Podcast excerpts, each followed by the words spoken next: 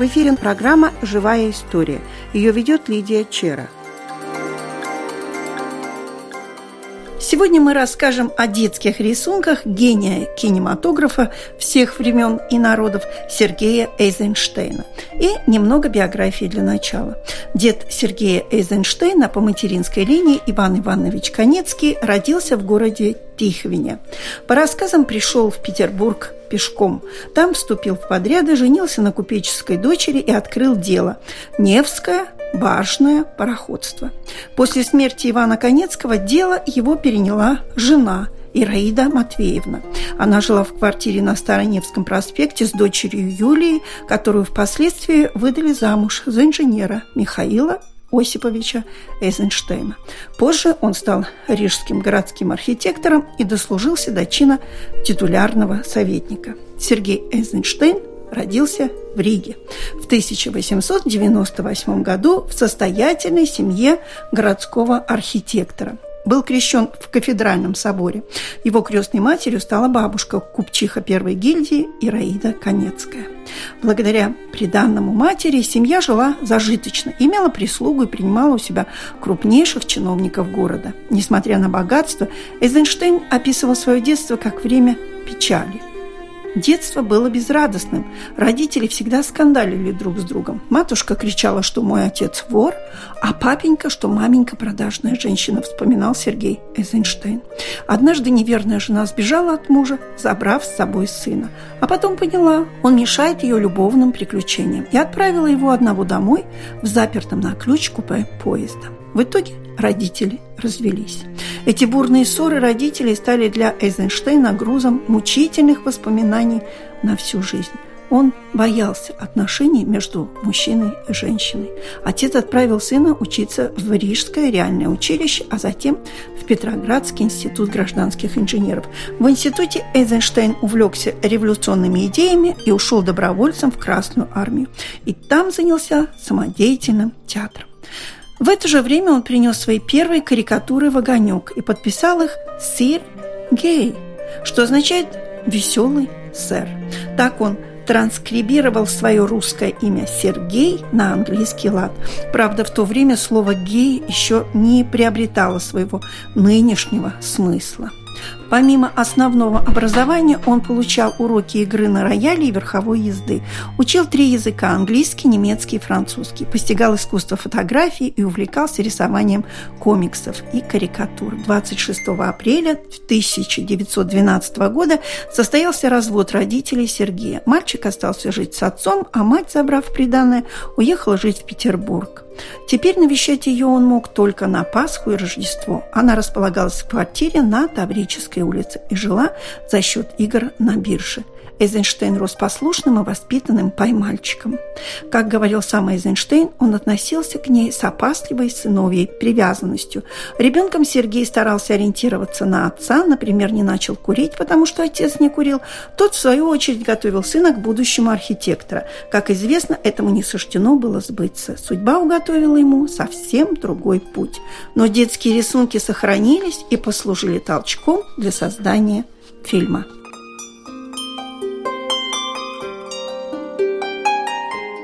Мне сегодня очень хотелось поговорить о Сергее Эйзенштейне, особенно когда я прочитала, что в Музее письменности и музыки проходит мероприятие, которое называется «Разыскивая Эйзенштейна». И, наверное, в связи с тем, что создалось. Один короткометражный фильм уже готов, и сегодня будет премьера, с чем я и поздравляю режиссера этого фильма Линду Дибеты.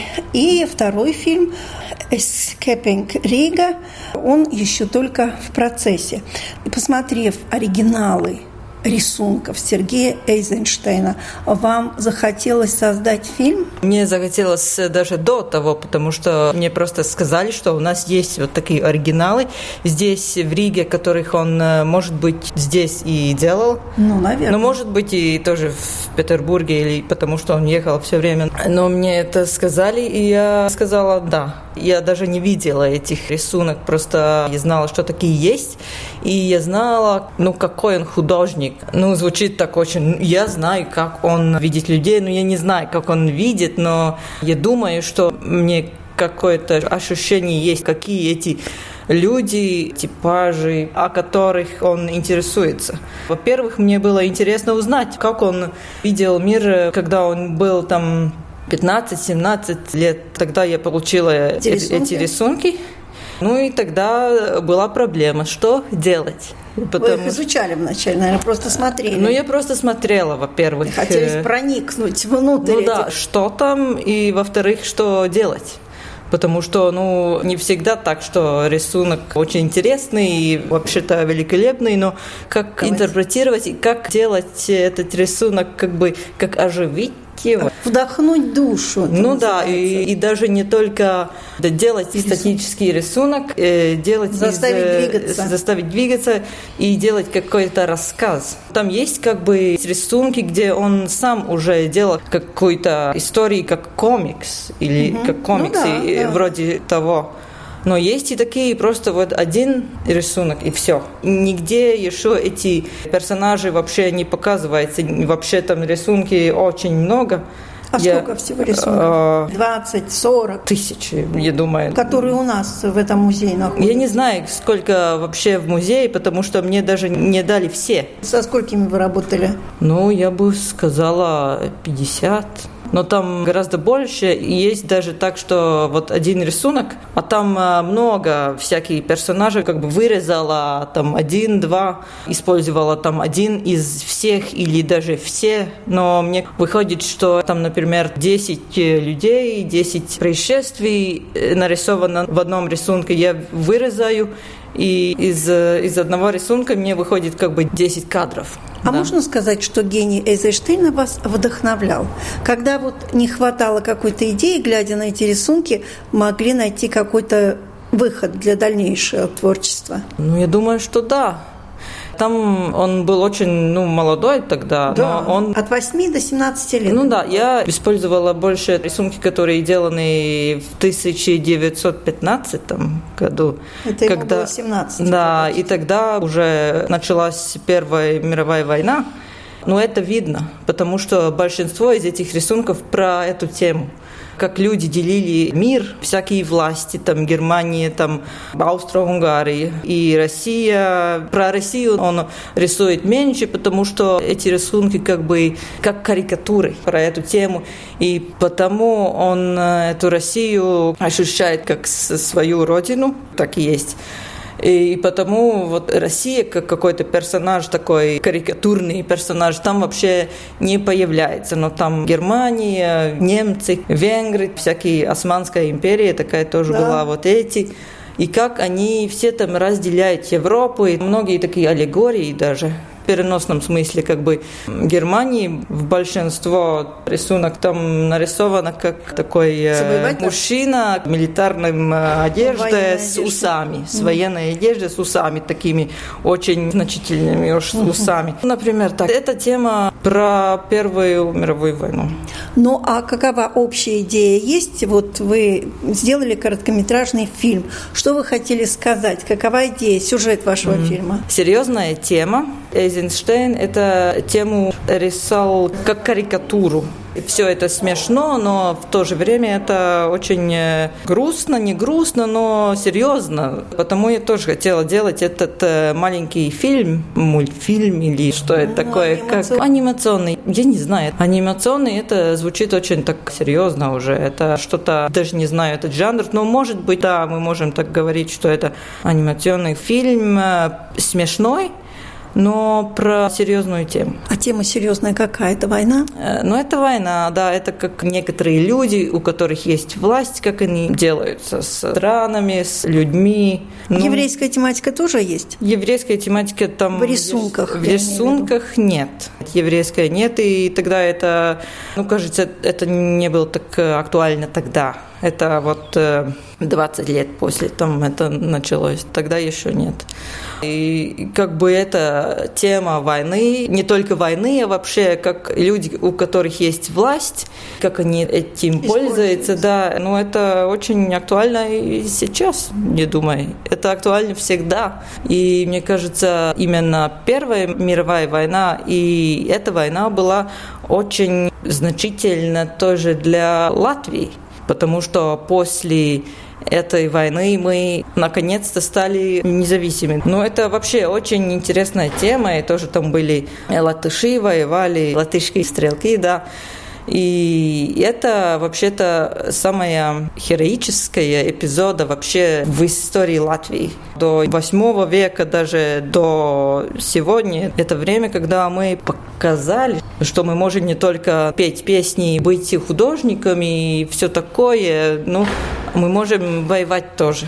Конечно, там Эйзенштейн про это не говорит, но мне это было важно. И потому мне было интересно думать про, про Но войну. его рисунки не противоречили вашей идее. Они помогали, они как бы дали какой-то толчок, вдохновение. Ну, я тоже думал, как э, это делать э, технически, какой-то способ, как эти рисунки оживить, потому что некоторые рисунки я вообще не использовала именно потому, что я, я не знала, как... Э, как их заставить как их, Да, да, да. Да, не только так придумать, что там делать, но как. Э, именно это технический способ. А другие? А другие просто были такие, которых я увидела и знала, что там произойдет вот то. Там можно делать так и так. Так что э. вы в соавторстве работали с гениальным кинорежиссером и реформатором театра Сергеем Эйзенштейном. Да, и я пыталась как-то ну, не изменить этих э, рисунок. Очень, ну, не рисовать там ничего особенного еще, чтобы помочь мне. А использовать то, что Использовать есть. вот то, что есть. Потому что в каждой нарисованной фигурке есть характер. Ну да, и там тоже есть такой же почерк, потому что ты смотришь на этих, видишь рисунки, ты видишь, что это не было так, что он придумает что-то и нарисовает, и следующий день еще-то. Ему есть вот, э, как он это делает, это уже точно почерк все как эти рисует. линии, это уже стиль такой, mm. все в одном стиле. Мастерский, я mm. тоже посмотрела, mm-hmm. мне очень понравилось. Как бы не отрывая руки почти. Mm-hmm. У него получается фигура почти не отрывая руки. Он тушью писал, по-моему. Ну да, во-первых, он э, карандашом, тоже видно, что было нарисовано что-то карандашом. Во-первых, потом тушью или да? что-то в таком Но вообще роде. хорошо сохранившиеся все ну, листы. Да. Вот на этой экспресс-выставке, которая сейчас mm-hmm. я подошла, посмотрела, мне очень понравились эти рисунки, но мне больше тушью понравились. Ну, Они да. более выразительны, тоже более мелкие детали. Там были то, тоже такие с красками деланы, ну, всякие такие, но этих я не использовала. Мне вот эти, ну, вообще-то черные рисунки мне понравились больше. И я думаю, после того, когда сегодня кинорежиссер делает это в большинстве в, в компьютерах, рисует все эти свои планы и все, но я думаю, тогда он даже потом сам рисовал. Без компьютера. Без компьютера. Но сегодня тоже есть такие режиссеры, которые рисуют э, свои мизансцены, эти кадры э, рукой это меньшинство. Вот тогда я стопроцентно не знаю, но я думаю, если бы мы посмотрели, как он э, думал про своих фильмах, то где-то в музее там, не знаю, России, то мы увидели, что есть вот такие же очень похожие рисунки, где он просто рисовал кадры. Броненосца как бы, Потемкин. Ну да, и все, и все еще, да, и, и, и остальные. Грозного. Да, да, да. Что... Или Александра Невского. Там даже были такие рисунки, где уже есть такая тема про каких-то старых аристократов, похожих на Иван Грозный, на Царяна, всякие там старые такие, старая Русь, всякие такие персонажи. Там тоже были пару рисунок. Как вы назвали свою короткометражку? А, «Мальчик рисует». Пожелаем удачи молодому режиссеру и от пищи духовной перейдем к пище реальной. Точнее, поговорим о хлебе насущном.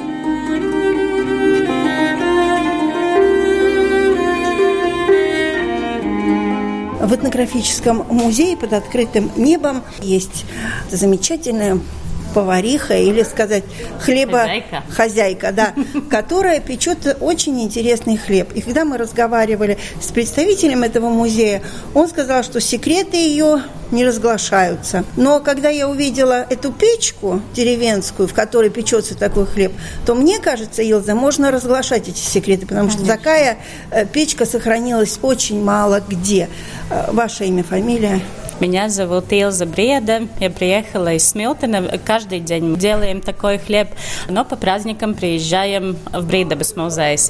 Но, в принципе, мы рецепты не скрываем, потому что ну, не надо это совсем делать. Наоборот, надо всем рассказывать, надо всем показывать, надо всех приглашать, чтобы они больше начали это делать, чтобы мы это не потеряли, потому что во всем мире уже это все почти уже потеряно, и очень мало где по натуральному работает. И когда к нам приезжает кто-то из-за границы, они говорят, что они как на Луне себя чувствуют, потому что они не понимают, что это такое настоящая печка, что это такое настоящий хлеб без дрожжей, без всякой химии. Даже без дрожжей? Нету, там дрожжей вообще нету, потому что там есть натуральная закваска и только, потому что делается это по-латышски называется абра, по-русски я даже не знаю. И некоторые говорят, что это корыто, но, по-моему, это другой какой-то. Ну, Одна женщина мне сказала, такая. что это арба, но я даже не знаю, как даже имя не сохранилось. Мне казалось, арба это что-то, что бежит за лошадью, арба. Корыто, наверное, ближе. Это такое из дерева сделанное... Четырехугольная. Да, да, такая посуда. Да, посуда. Которая используется, где делается э, тесто, и поскольку эта посуда никогда корыто не моется, ее только приводят в порядок, чистят, но ее нельзя мыть, чтобы эти бактерии, которые живут там внутри, в стенах, чтобы они все время передавались, и чтобы они там жили и развивались, и поэтому не надо дрожжи. Там есть натуральная закваска. Тесто, что мы чистим, из, когда кончим делать хлеб, мы вычищиваем, и вот этот э, по-латышски называется абркасейтис. То, что остается. Да. И вот эта закваска такая... тоже помощник и начало на следующий раз делать хлеб. А в хлебе, в принципе, есть только вода и мука. Но, Но она вы очень добавляете вкусный. много чего еще. Но вот не... я сегодня попробовала хлеб на кленовых листьях, которые... Ну да, он делается полностью только на кленовых листьях, потому что мы не используем ну, противень. Да. Противень э, будет тоже сразу оксидация и металл, а кленовые листья это натуральные, и в печке ставится, и он дает свой сироп, свой привкус. А когда тесто делается, там, в принципе, выделяется в ржаной муке есть 40 5% натурального глюкоза. И если его делать, ну, ошпаривая муку, и в процессе этот глюкоз выделяется, и, в принципе, он на сладкий становится сам по себе. И в ржаной муке есть 20 витаминов, и всяких других э, хороших вещей, которые дают уже богатый вкус и ценность этому хлебу без никаких добавок. Скажите, важно из какого дерева это вот арба или корыто сделано? Ну, мы читали, мы знаем, что надо делать из сладкого дерева. Это береза, клен, липа. Желательно. И долго такое ну, корыто служит? Чем она э, дольше служит, тем лучше. Мое корыто у меня две. Одна есть для черного хлеба, одна для белого хлеба. У них обоих около ста лет. И если сделано правильно, раньше мужчины были умнее, чем теперь. Они знали, что которое дерево лучше использовать, и они знали, в какой месяц, в какой день лунный надо, и, и в какой, может быть, погоду. Но, наверное, это было в зиму, когда спит уже все деревья. И это, по-моему, было в старый месяц, когда уже дерево, ну, как будто, наверное, не живет, она уже отдает. отдает соки, и она да. уже потом, когда она уже сделана, она уже больше не ходит, не трескается. И, и если она правильно сделана, она очень долго служит. И тем дольше, тем лучше. Боюсь, что берегите свои эти корыта абра, потому что навряд ли есть еще такие специалисты, которые знают все условия, при которых можно сделать а, такое. А, ну, поэтому мы ее искали старую, потому что когда я новую хотела, ну, э, шла к столяру и сказала, что мне надо абру. Один мне даже ответил, ай, там ничего такого сложного, четыре доски как гробу, и все, да. И я поняла, что у него нет вообще понятия, что я от него хочу. Но я знаю, что на данный момент мы уже кончили бегать за евроремонтами. Мы уже начинаем смотреть, что у нас свое хорошее есть. И я знаю, что есть мастера, которые на данный момент уже умеют хорошие абры сделать. А спрос на ваш хлеб есть? Да, мы не можем столько сделать, сколько есть спрос. Вы сказали мука, мука и вода. И вода да. Ну, там соль. А какие еще добавки у вас есть? Хлеб же э, ведь В принципе, в черном хлебе идет ржаная мука, вода и тмин. Там, если так честно, можно не добавлять даже ни соль, ни сахар. Можно, конечно, добавлять соль и сахар и все, что хочешь, чтобы вкуснее, но он довольно богатый и чистый, и можно вообще ничего не добавлять. И он даже немножко сладковатый желтоватый будет. А есть рецепты, где в черный хлеб, чтобы он потемнее, добавляется еще солод. Я сегодня не добавила солод, у меня чистый хлеб. Но я сегодня, поскольку мы делаем хлеб праздника, я в черный хлеб положила всякие там изюм и орехи и всякие другие такие вкуснятины, чтобы он был бы повкуснее. И другой раз мы делаем, что в тесте замешиваем шпек и лук и тогда он уже такой ну, сытный, сытный будет. Да. Можно всякие делать хлеба. Если белый хлеб, у меня сегодня белый хлеб сделанный, тогда белый хлеб сегодня у нас с изюмом и с, с корочкой корицы и сахара. Прекрасно. Ну, а сколько надо времени, чтобы выпечь такой хлеб? Начиная с самой вот с муки, с, муки, с просыпания да. муки и э, воды. Угу. Белому хлебу и, и серому все проще. Там примерно два часа надо делать тесто, ну, замешивать, и, и пусть она стоит, и печку протопить. А если мы делаем черный и богатый ржаной хлеб, тогда два дня. Мы вчера уже начали э, ну, готовиться к сегодняшнему дню, и я замесила тесто 6 часов вечера вчера. Сегодня утром я встала уже в 5 часов, тесто перемесила и сделала э, дома. Осадили его чуть? Да, тогда я приехала сюда, тогда я добавила орехи и все остальное, перемешала еще раз. А, и вот теперь уже он готовый и ждет, когда печка будет готовая. Насчет печки, вот как они, на углях жарятся или в какой момент э, в печку печку надо ставить хлеб. Ну, печка протапливается, и когда в печке тоже уже красный уголь, ну, примерно 2 часа. Но угу. это тоже от того, какие Но дрова, дрова еще какая погода на улице. Если будет ветер, быстрее все происходит. Если дождь и такое, тогда медленнее все происходит. Но печка протапливается, уголь красный, когда нету синего пламени больше, тогда шибер закрываем и все закрываем, печка прогревается от угля. Когда она прогрелась, тогда уголь весь выбираем, печку метлой мокрой вычищаем. вычищаем, и тогда туда хлеб ставим. И час-два? Чем больше буханки, тем больше он приготавливается. Но, в принципе, мы сегодня не очень большие буханки будем делать, примерно час-полтора будет. Ну, тогда, Илза, мы погуляем по музею Хорошо. и придем, когда будете выбирать Хорошо. уже хлеб. Спасибо.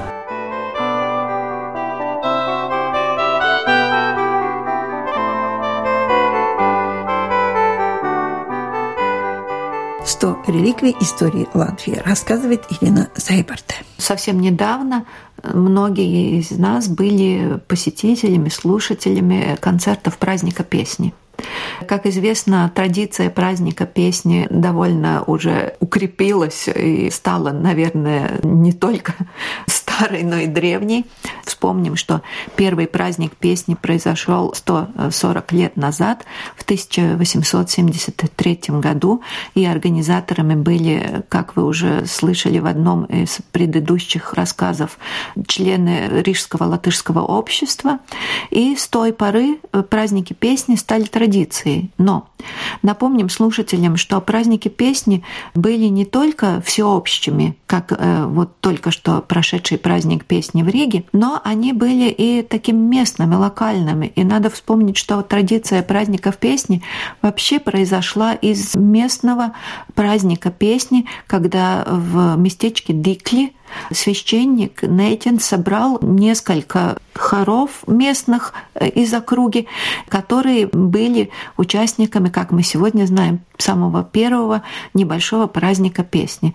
С тех пор традиция э, праздника песни и не только всеобщего, но в разных регионах она стала укрепляться, и, как мы знаем, до сих пор она жива, потому что эти праздники песни, они, во-первых, нужны э, местным жителям и нужны для того, чтобы и приготовиться к всеобщему празднику песни, танца, как мы сегодня уже знаем. А Рассказ о празднике песни сегодня, о котором я хочу рассказать в связи с реликвией, которую мы выставляли на своей выставке, это праздник песни в Латгале который произошел в 1940 году.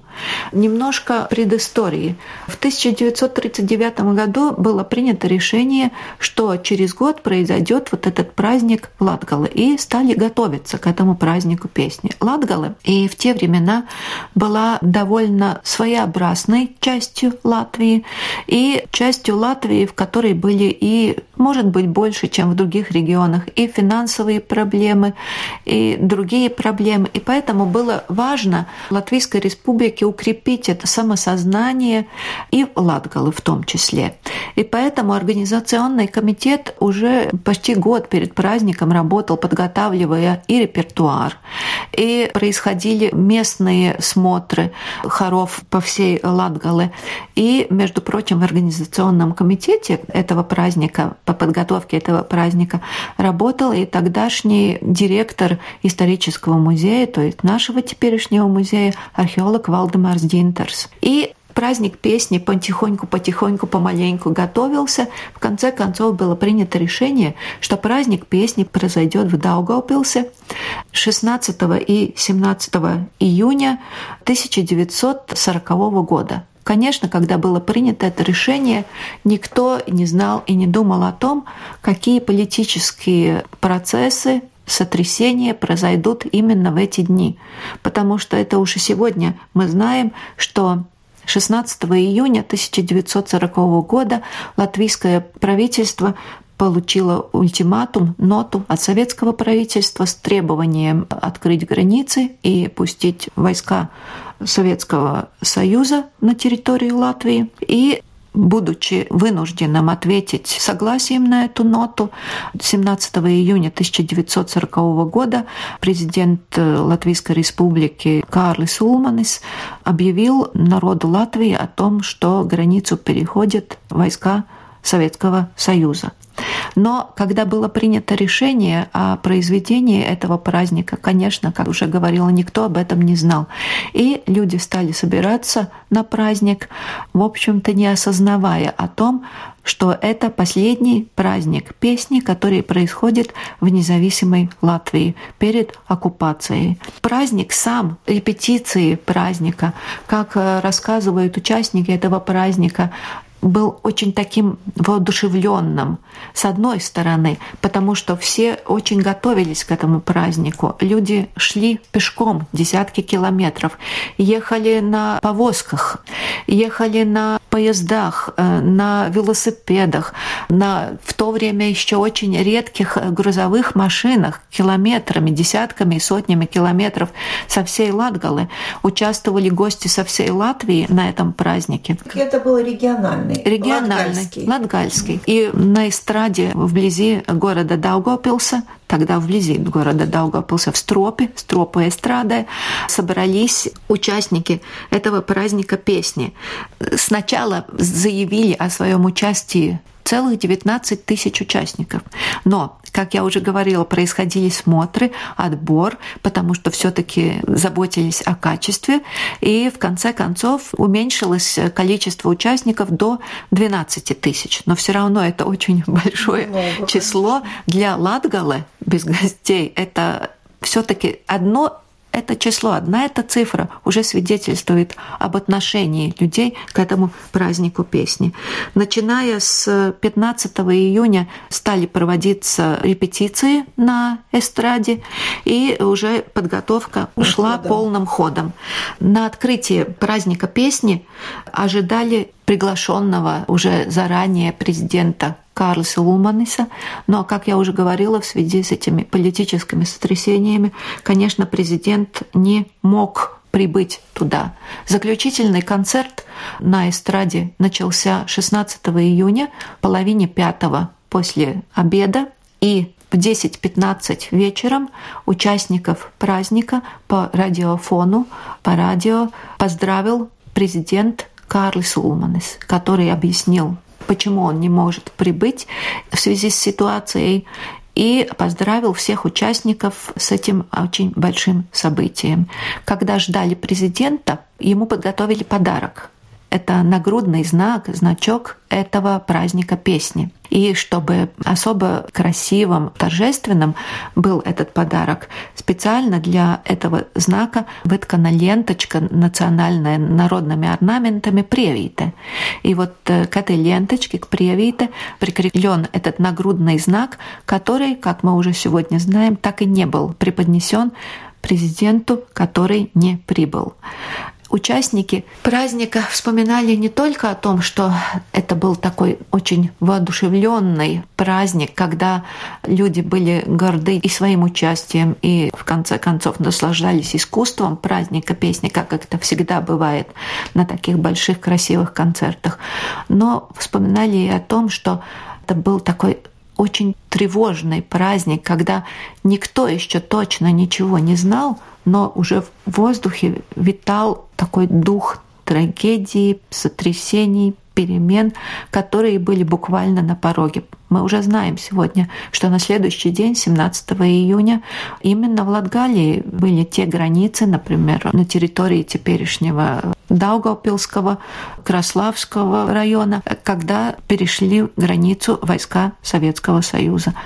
Началась оккупация, начались перемены, начались сотрясения, которые привели к тому, что Латвия потеряла свою независимость. И вот все это вместе, это с одной стороны, воодушевление, гордость своими традициями, с другой стороны, политические потрясения и трагедии для очень многих семей – в том числе и участников праздника песни, они как-то сделали этот праздник песни в воспоминаниях, в памяти людей таким очень легендарным, мифологическим, несмотря на то, что это был региональный праздник.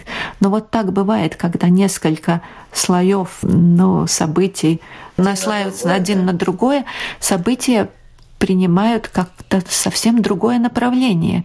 И этот нагрудный знак, который так и не получил президент Латвии, он сам по себе, он, конечно, один из многих нагрудных знаков, но в контексте этом он особенный, он реликвия.